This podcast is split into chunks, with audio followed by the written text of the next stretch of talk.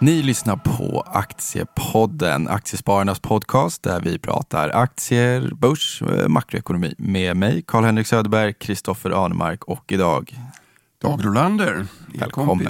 Ja. Och kära vän till och med. Oj. Nu. Och ni har till och med varit på semester ihop ni två förra veckan. Semester är väl Smekmånad. Var det där du blev förälskad i mig, Christer? Ja, jag tror Jaha, att det var det. Hur som helst, vi har varit i London, Mm. eh, onsdag till fredag förra veckan.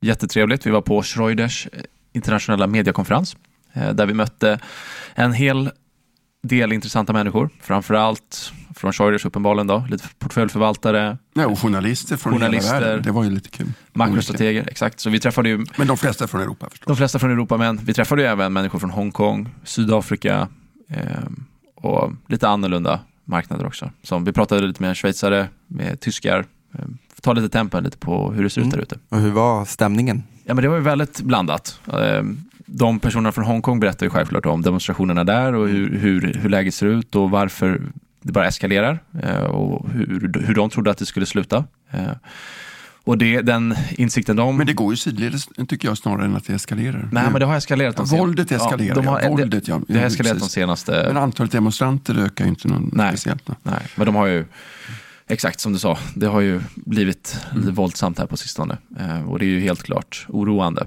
Men de, de sa att, eh, eh, att för, för, förväntan var att det skulle fortsätta ett tag till också. Då, så. Och det här märker man ju av i kinesisk ekonomi också, eller hur? Ja, absolut. Eller egentligen hela Asien. Ja, hela, Men annars rent generellt med världsekonomin, den, alltså den går ju sidledes och eh, alltså ett, ett tema som kom upp är, är liksom hur att de rimliga förväntningarna på avkastningen framöver på aktiemarknaden, det kanske ligger kring 5 procent. Liksom.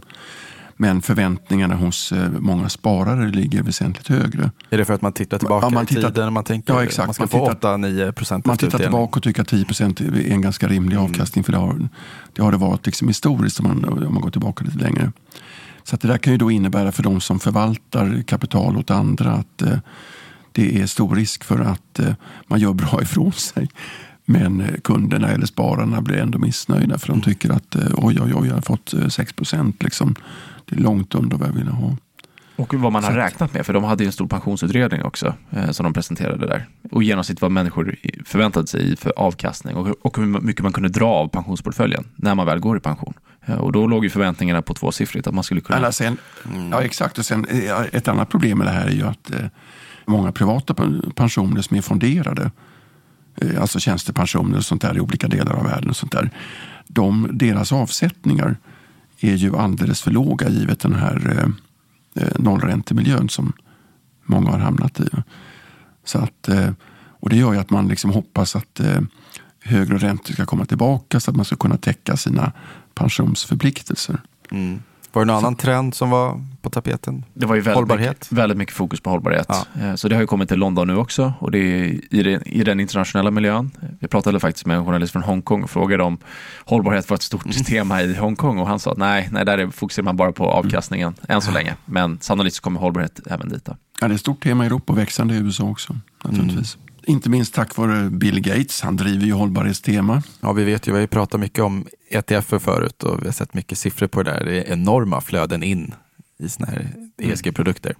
Precis. Och det som var intressant där var att Streuders har ut, ut, utvecklat en plattform där man kan se företagens klimatavtryck eh, och kostnaderna förknippade med det. Det det vi brukar kalla externaliteter, alltså det företagen gör vars kostnader hamnar på någon annan, på samhället, om man tar sönder en väg exempelvis eller om man släpper ut eh, luftföroreningar eller vad det kan vara. Och då har man en databas som man har byggt upp. Då. Eh, så det är faktiskt intressant. Så, så det är ju siffror som kanske inte uppstår i resultaträkningen eller som syns i balansräkningen, men som man kan väga in i sina, i sina beslut. Då. Så det tyckte jag var intressant och det var mycket prat om framtidens jordbruk, hur det ser ut, och hur man ska ställa om till en mer CO2-effektiv matproduktion.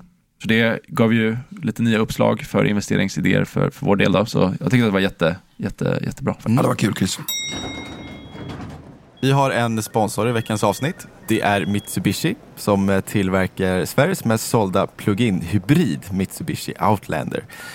En fyrhjulsdriven SUV som går 4,6 mil på el och kostar motsvarande 2 kronor per mil att tanka. Eh, priset på en sån här bil är över 400 000 kronor men nu lanserar man ett privatleasingpaket vilket borde tilltala den som inte gillar att binda kapital. Och så här säger Lotta Thulin som är marknadschef på Mitsubishi i Sverige. Eh, jag har jobbat på Mitsubishi väldigt länge och sett hur privatleasingmarknaden har ökat enormt de sista åren. Och vad vi gör nu det är att erbjuda privatleasing på 18 eller 24 månader vilket gör att du har en flexibilitet i att kunna välja men också att det är en kortare period än traditionell privatleasing.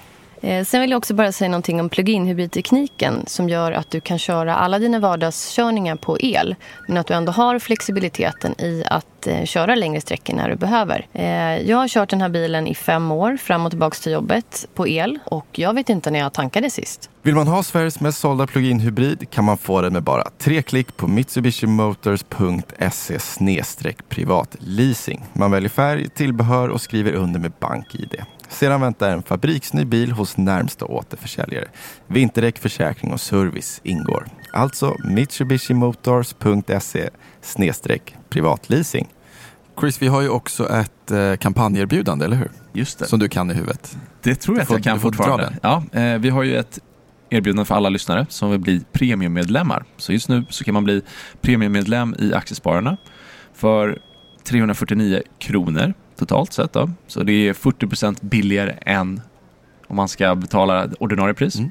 Så om man går in på www.aktiespararna.se podd med 2D 349 så kan man ta del av det här erbjudandet. Då. Och erbjudandet gäller, vad var det, till mitten på december? Ja, till Lucia, till 13 mm. december. Eh, och man får ju självklart tidningen Aktiespararen fysiskt. Man får ta del av våra analyser i realtid. Man får korta portföljen i realtid och alla spännande affärer som vi gör där. Och alla spännande nyheter. Och dina portföljer också, Dag, får man ju ta del av. Oh, ja. mm, de är bra.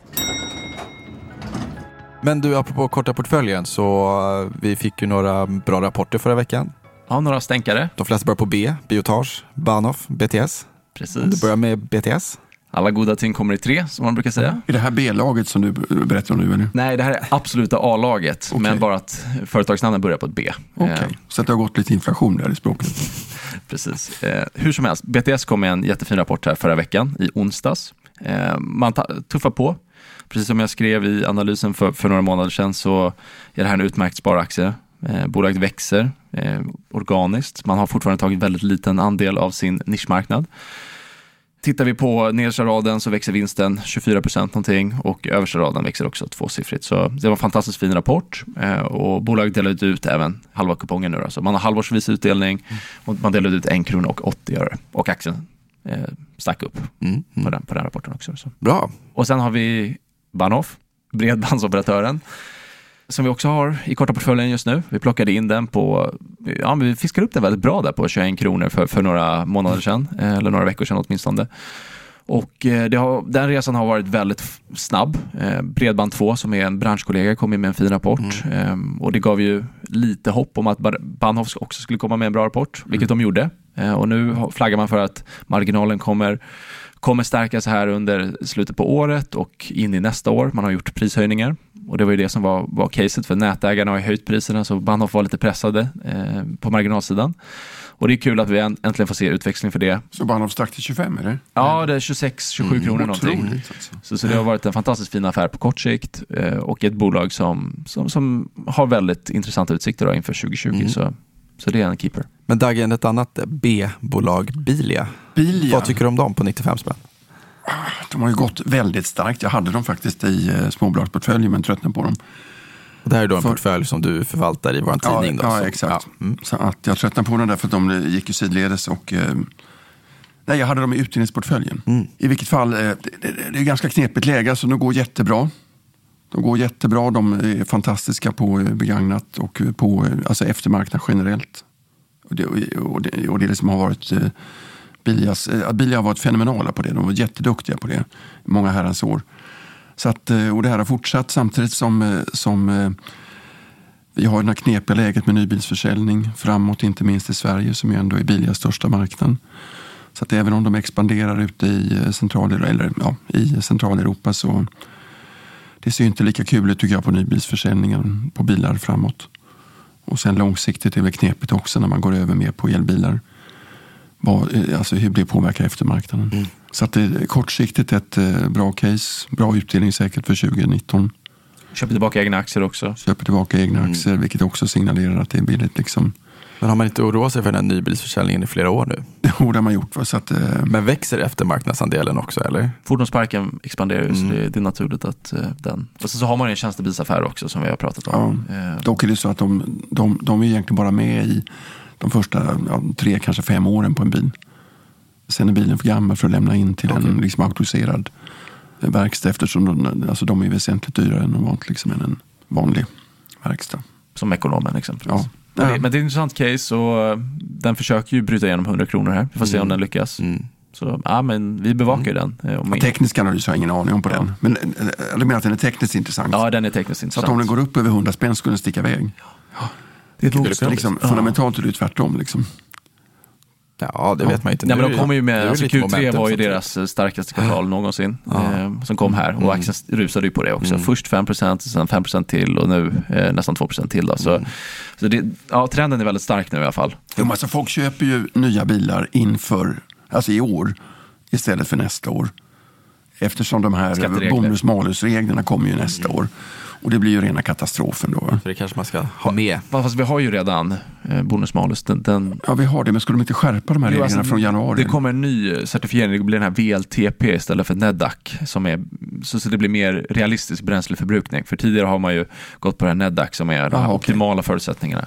Men nu kommer man eh, koppla skatten egentligen till det här VLTP istället. Då, eh, som är mer realistiska mått. Det är klart, Volvo kommer med sina nya hybrider alltså, som Mm. går 5-6 mil liksom, på, på batteri. Det är en ganska smart eh, kombination. Alltså. Och så har man mildhybrider också, där man blandar eh, en liten elmotor med diesel också. Så det är också ett intressant Mm, initiativ.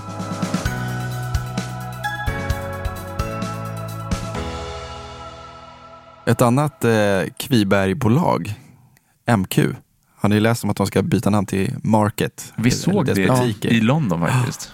Eller jag vet inte riktigt vad, vad han ser i det där och, eller vad han, vad han har sett för någonting, Mats Kviberg i, i MQ. Det kanske är så enkelt som att det är hans initialer som så han köpte det av egoskäl. Men för, för tittar vi rent operationellt så, så är, finns det ju ingen ljusning i det här. Eh, det är lite som RMB, Brothers ägare, har ju också stora problem. Ja, nej, de har det ju jättetufft. Men, Nej, men får alltså, se. han, han, ju han bjuder ju in fler, eh, fler varumärken i de egna butikerna. Ja, så ska de nya butikerna bli lite mer, Ja, Ja, och göra mer och events fräscha. och grejer i butikerna. Och, ja, det som alla pratar om att de ska ja, göra. ja, exakt. Att de provar det nu alltså. Under ny ledning dessutom ju.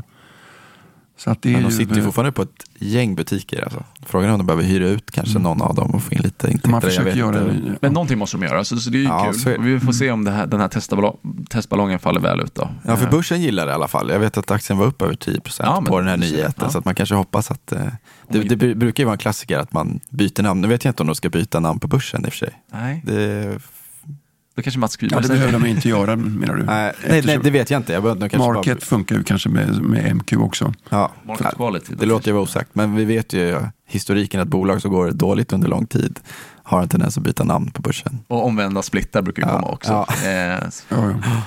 men jag vet inte hur deras balansräkning ser ut, för den var ju ganska Nej, skral inte tidigare med mycket, mycket Nej. goodwill och skulder. Men, men alltså hopplöst borde det ändå inte vara eftersom eh, alltså Rune Andersson de köpte, de köpte ut Kappahl från börsen och Kappahl Mm. borde ju ha samma eh, alltså absolut snarlika problem Absolut. som eh, MQ. Men det är ändå hård konkurrens nu i handel. Vi, vi är ju inne i, Black, tufft. i Black Week här, det är ju Black Friday på fredag. Vi ser ju att eh, e-handeln tar ju, tar ju andelar kontinuerligt och, och konsumenten vill handla på nätet. Och sen så ska man också tillägga att det är ju väldigt smidigt om man kan koppla ihop ett butiksnät, ett, ett befintligt butiksnät med online. Så man kan beställa, man kan lämna tillbaka eh, saker i butik och om det blir något fel så kan man gå någonstans och reklamera. Jag själv köpte ett par hörlurar från Elgiganten som jag gick och reklamerade här borta vid eh, på Kungsgatan. Funkar hur smidigt som helst. Eh, och det är mycket jobbigare om man ska skicka det på posten. Man vet inte riktigt när det kommer fram. Och... Så MQ kanske går ihop med Nelly då? Vad tror ni om det? Då kan ju Nelly visa upp sig i MQs butiker. Ja, absolut. Hur ser hon ut? Vet jag vet det, inte. eller? Nej, jag tror det bara heter Nelly. Jag vet inte var, var det namnet kommer ifrån. Men det är ett bra namn. Kanske kommer. Dagen, du har ju varit här och chattat precis. Du fick lite frågor om Millicom vet jag, lite penningtvätt. Bankerna generellt Ja. är ju Bankerna generellt, ja det är ju inte världens roligaste sektor egentligen kanske nu. Med, eh, med eh, att, man, eh, att man har bolånen kanske som sin tillväxtaffär och den mest lönsamma delen av businessen. Och det, alltså det är lite trist. Liksom. Samtidigt som du har fintech och alltihop det här som, eh, som försöker hitta olika delar av eh, finanssektorn som är, där det finns eh, möjligheter till tillväxt och lite mer intressanta och skalbara affärsidéer. Liksom. Så att, men hur som helst, alltså den stora grejen på banksidan som det är nu det är väl att Uppdrag granskning ska göra ett nytt program liknande det som de körde i våras och den här gången så lyfter de upp även SEB som ju sedan länge är verksam i Baltikum. Och, eh, vad de har fått för information den här gången det känner jag naturligtvis inte till. Och, eh, men eh, jag, jag, jag, var inte speciellt imponerad av de här grejerna som de körde i våras. Efter, delvis eftersom jag tycker att man, eh, man ser på bankernas agerande i efterhand och det är väldigt svårt för bankerna att på förhand veta vilka som är fortkörare i deras system och inte. Det är ungefär som om trafikpoliser skulle liksom kunna plocka ut eh, bilförare innan de har kört för fort på en motorväg. Liksom. Det är jäkligt svårt att eh, veta eh, vilka som är skötsamma och vilka som inte är det. Och, så att, och att det är vissa som slinker igenom, det, det är också självklart. Liksom. Så att det, det, här är liksom en bedömningsfråga och i efterhand så kan man liksom sitta och döma banker och andra för att, alltså med facit i hand, ni borde ha sett det här redan tidigare för det har vi gjort nu i efterhand. Alltså det hänger liksom inte ihop. Så att, eh, vi får se vad det blir på onsdag. Det kan vara spännande program. Men, men eh, generellt så tror jag att det är bra för bankerna att det är flera som är anklagade samtidigt. Därför att det gör att de kan eh, lite grann eh, agera gemensamt. Mm. Och eh, böterna blir stora nog ändå. Men de får delas på flera stycken. Så det kan ju vara en bra grej. Vad tror ni om banker som eh, investering just nu då? På ett års sikt? Det känns lite nedtryckt alltså, men eh, ganska bra tror jag. Kupongen, tror du blir bra också Dag? Eh, eh, alltså kupongerna sänks ju. Gör de det för samtliga? Ja, Swedbank och Nordea. Nordea. Ja. Men jag tror ändå att kupongerna ligger på, att, eh, alltså kupongerna generellt ligger på 6-7 procent. Ja. Så att det är ju, eh, ja, det är naturligtvis bra. Mm. Och kurserna är nedtryckta så att å andra sidan så kan det komma fler dåliga nyheter så att det är lite knepigt. Liksom. De är lite utsatt där. Det mm. kanske omvända läget mot Bilia då, att de är väldigt kursmässigt svaga trender. Mm. Och sen så är nischbankerna väldigt svaga också, som, som vi har pratat om. Just det. Vi sålde till och med TF Bank här i korta portföljen Precis. förra veckan. I torsdags ja, så det var, det var en bra exit. Och sen mm. så, såg jag att eh, Collector är nere på 52 veckors lägsta också. Eh, okay. Som är vadå, 45 eller vad ligger de på? Det? Ja, 45 precis. Ah. Eh, så, så, så, så, den är ju väldigt svag den aktien. På tal om mm. fintech, för de har ju en fintech-hub också. Mm. Eh, men det verkar inte riktigt få någon utväxling på börsen. Trots att de har väldigt bra tillväxt i räntenettot och låneboken ja, växer. Ja, och bra vinster per aktie och hela baletten. Liksom. Ja, men de delar inte ut någonting. Så... Delar inte ut någonting och, ganska, och, och inte så, så bra eget kapital per aktie. Nej. Så att aktien handlas lite grann till substans. Eh, ja, eh, alltså man tittar på substansen, alltså eget kapital per aktie precis. Lite premie mot... Men, men jag tror att de, i och med att de gör sådana vinster ändå så, så bygger de upp sitt EK. Så, mm. så vid slutet av året så kan det nog bli Pricebook. Eh, ja. Ungefär ett ja. Ja, exakt. Mm. Så, mm. Så, så det, ja, det, det, är ju inte ett dumt case om man inte tror att konjunkturen kommer packa mm. upp helt och att kreditförlusterna kommer skena något otroligt. Men än så länge så ser vi inga tendenser till det. Men, men det är klart att den här aktien har varit billig väldigt länge. Och det har blivit lite sån här reflexivitet som vi pratar om, att en billig aktie kan fortsätta vara billig. Folk tror att det är något fel på det. Eh, man säljer för att, ja, för att man kanske tröttnar på den, mm. snarare än att bolaget levererar dåliga rapporter. Och så, så har vi fin, fin ägarstruktur där också. Erik Selin, eh, Lena Appler.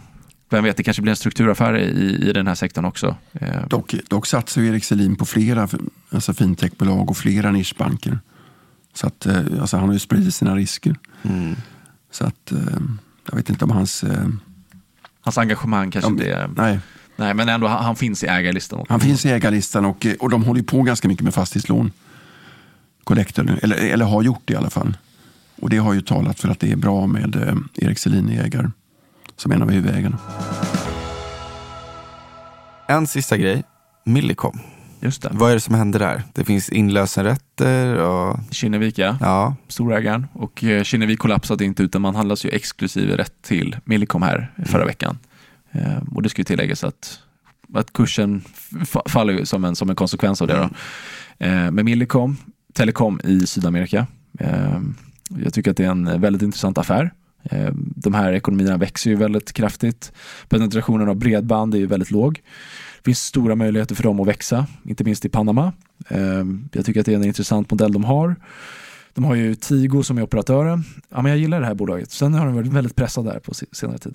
Och Kinnevik äger 37 procent och alla Kinneviks ägare kommer ju inte vilja sitta och direktäga Millicom kanske.